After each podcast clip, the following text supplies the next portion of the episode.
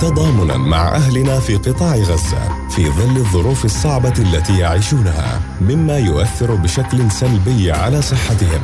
تسعى الإغاثة الطبية الفلسطينية إلى تقديم سلسلة حلقات من خلال هذا البودكاست عبر أجيال للتوعية عن الوقاية من الأمراض المعدية ومتابعة الأمراض المزمنة وكيفية تقديم الإسعافات الأولية ورعاية الحوامل والواضعات ودعم الصحة النفسية وقت الطوارئ والأزمات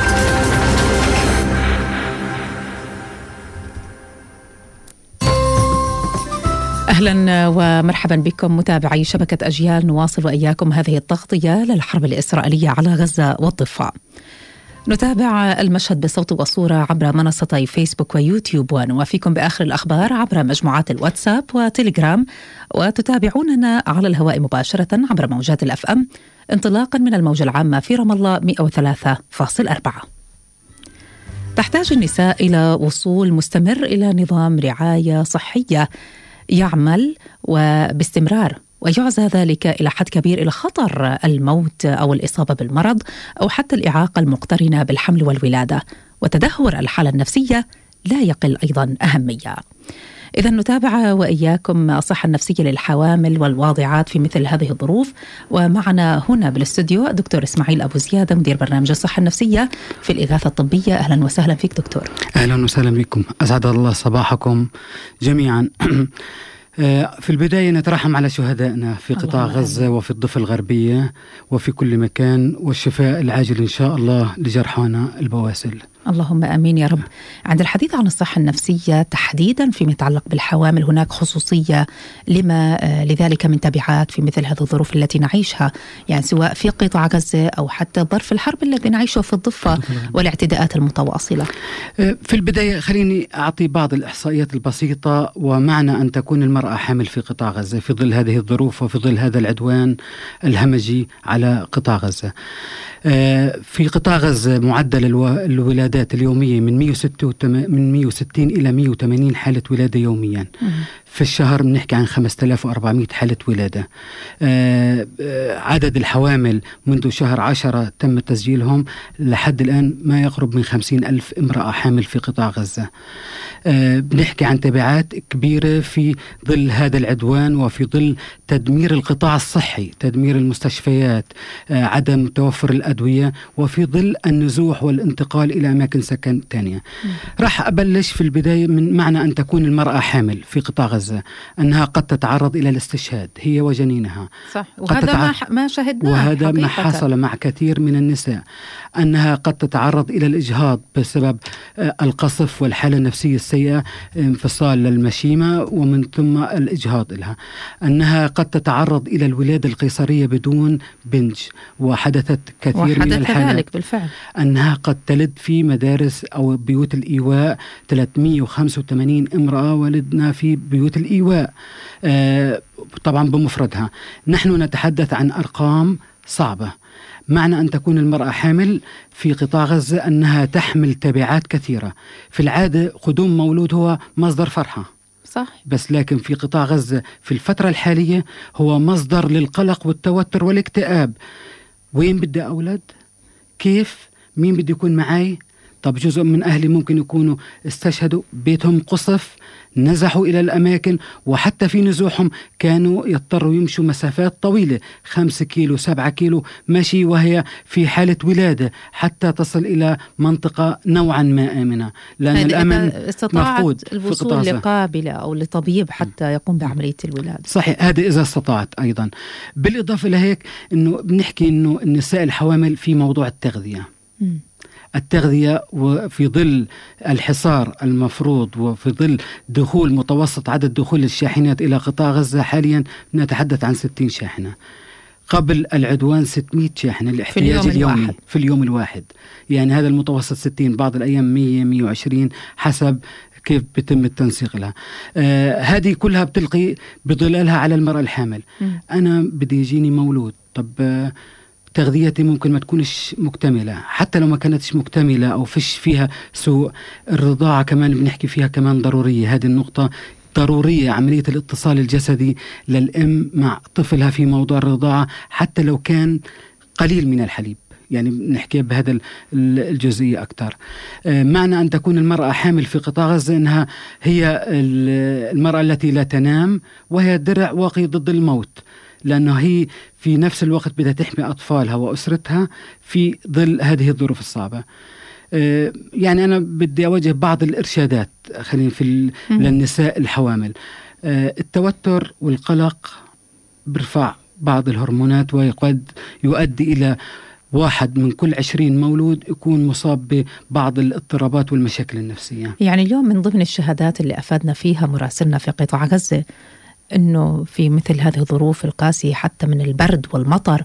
بحكي لك الخيم اللي هي فعليا يعني تفتقر لأي من مقومات الحياة آه، كلها امتلأت بالماء. بالماء. الأمهات أخذنا يبكينا على الحال دون القدرة على عمل شيء. الشعور بالعجز إنك أنت مش قادر إنك تقوي ابنك بالمعنى الحقيقي أو بنتك. هنا قمة المأساة إنه هي المرأة الفلسطينية في بشكل عام في قطاع غزة أو في الضفة الغربية أو حتى في القدس هي دائما الرافعة للأسرة بشكل أو بآخر. شئنا أم أبينا هي الحضن الدافي لهذه الأسرة بالكامل. شعورها بالعجز يعني يجعلها أنها تصل إلى طريق مسدود إنه أنا مش قادره أساعد أنا مكبلة اليدين والأرجل ومش عامله إشي قدر الإمكان المرأة تستطيع. هي زي ما سميتها أنا درع واقي ضد الموت. صح. هي المرأة الفلسطينية. هي في الوضع هي الطبيعي ممكن إنها تعيط بس مع هيك ما بتستسلم.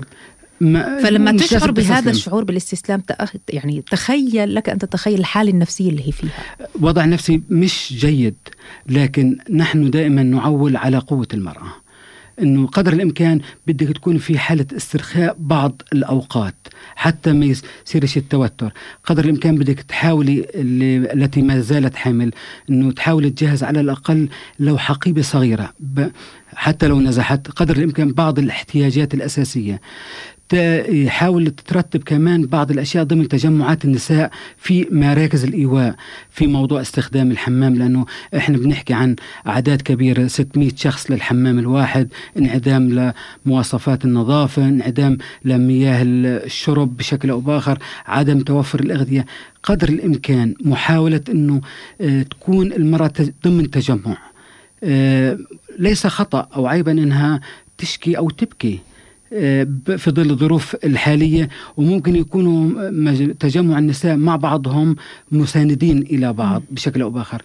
قدر الإمكان كمان محاولة توفير قابلة إذا انعدم الأمر على الأقل تدريب من خلال حتى لو كان عن طريق الهاتف. ممكن يتساعدوا في كتير مؤسسات وكتير عيادات وكتير أطباء استعدوا لهذا الأمر والإغاثة الطبية إحدى هذه المؤسسات أيضا اللي هي دائما مستعدة لهذا الأمر. تبعات حالة القلق والتوتر الدائمة كيف بتأثر على آه، الجنين؟ وما بعد الولادة كمان نحكي. يعني في بالوضع الطبيعي بنحكي اللي هو الاكتئاب ما بعد, بعد الولادة. فخلينا نحكي عن الحالتين. في حالة الجنين يعني زي ما حكيت سابقا إنه ممكن م. يصير الطفل بعض يعني بالذات هرمون الكورتيزول يعني ممكن يأثر عليه بعض الدراسات المستقبلية تتحدث عن طفل من كل 20 ممكن يصاب بالاكتئاب والقلق وبعض اضطرابات الشخصية. آه لكن لأنه يتسرب عبر الدم للطفل. آه بالإضافة لك كمان ممكن تصير هي مشاكل عندها في عملية الولادة توترها وقلقها. ممكن تصير عملية الولادة تأخذ منحى صعوبة أكثر في بعض الأوقات. قدر الإمكان دائما ندعو إلى استرخائها أكثر ندعو إلى هدوءها بشكل أو بآخر حتى ما تحدث الصعوبات في الولادة أكثر إلها. آه، بالإضافة لك فيما بعد آه، إذا شعرت طبعا بالحزن إذا شعرت بتغير في آه، بسبب الظروف اللي هي بتعيشها والقصف والتدمير بتشعر ببعض مظاهر الاكتئاب وبعض النساء بكون يعني خلينا نحكي عندها خبرة سابقة سلبية في عملية الولادة وكان عندها نوع من أنواع الاكتئاب أو القلق في هذا الأمر. بالإضافة إلى هذه يعني المؤشرات بنحكي عن مؤشر أنه هي آه، عدم رغبتها في آه، إرضاع الطفل عدم رغبتها في أو عدم الشعور بالسعادة في وجود هذا الطفل الجديد اللي هي ممكن ممكن تشعر كنوع من العبء. هذا ممكن يتحول إلى اكتئاب ما بعد الولادة. بس قبلها في حالة بتمر فيها 70 إلى 80% من النساء بنسميه اسى الامومه هذا نتيجة الهرمونات ونتيجة التغيرات اسى الامومه اسى الامومه هذا بيستمر حتى أسبوع الأسبوع الأول. بس إذا استمرت الأعراض أكثر من أسبوعين هنا بنتحدث عن اكتئاب ما بعد الولادة.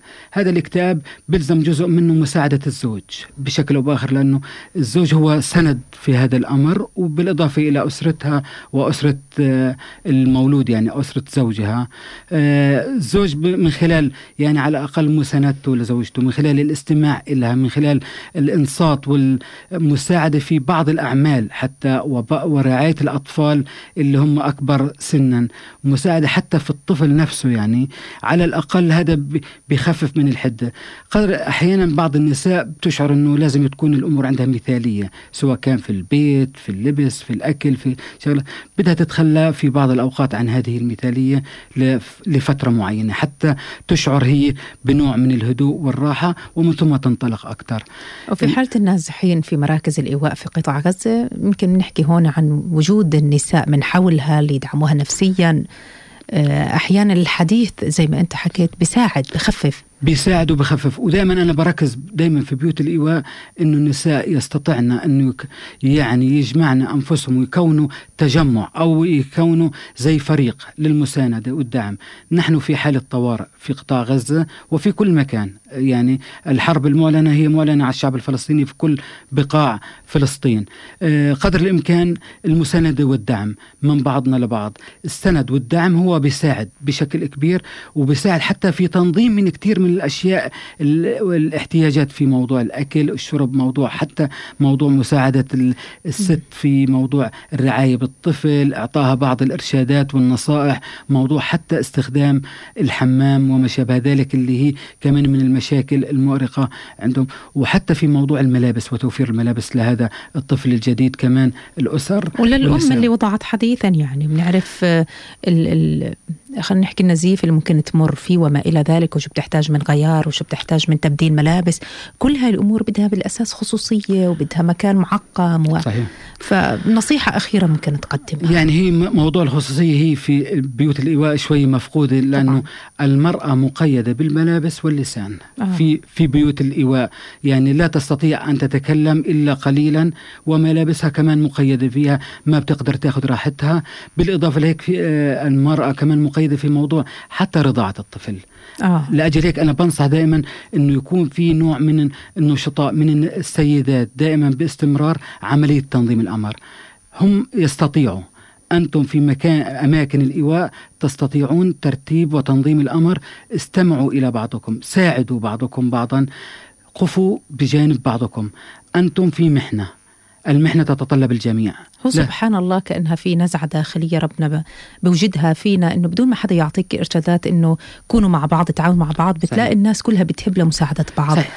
يعني إحنا بالوضع الطبيعي بيحكي لك لما يصير في قصف يصير انفجار ابعد عن المكان إحنا بالعكس نهجم. بتلاقي الناس كلها بتروح عشان تحاول تنقذ ما صحيح. يمكن إنقاذه صحيح. وتسعف اللي اللي اللي قادرين يسعفوا حتى لو ما عنده خبرة خلص صحيح. سبحان الله ربنا بيوجدها فيه فكل هذه التوجيهات مهمة وفي مكانها يعني فأشكرك دكتور إسماعيل. شكرا لكم. أشكرك دكتور شكرا. إسماعيل أبو زياد مدير برنامج الصحة النفسية في الإغاثة الطبية لوجودك معنا. شكرا لك.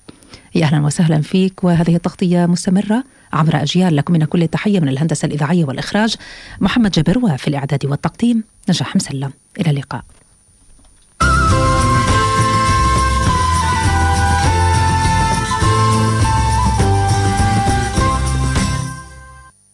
كنتم مع واحدة من سلسلة حلقات هذا البودكاست لجمعية الإغاثة الطبية الفلسطينية عبر شبكة أجيال للتوعية عن الوقاية من الأمراض المعدية ومتابعة الأمراض المزمنة وكيفية تقديم الإسعافات الأولية ورعاية الحوامل والواضعات ودعم الصحة النفسية وقت الطوارئ والأزمات مع أمنياتنا بالصحة والسلامة لجميع أهلنا في قطاع غزة.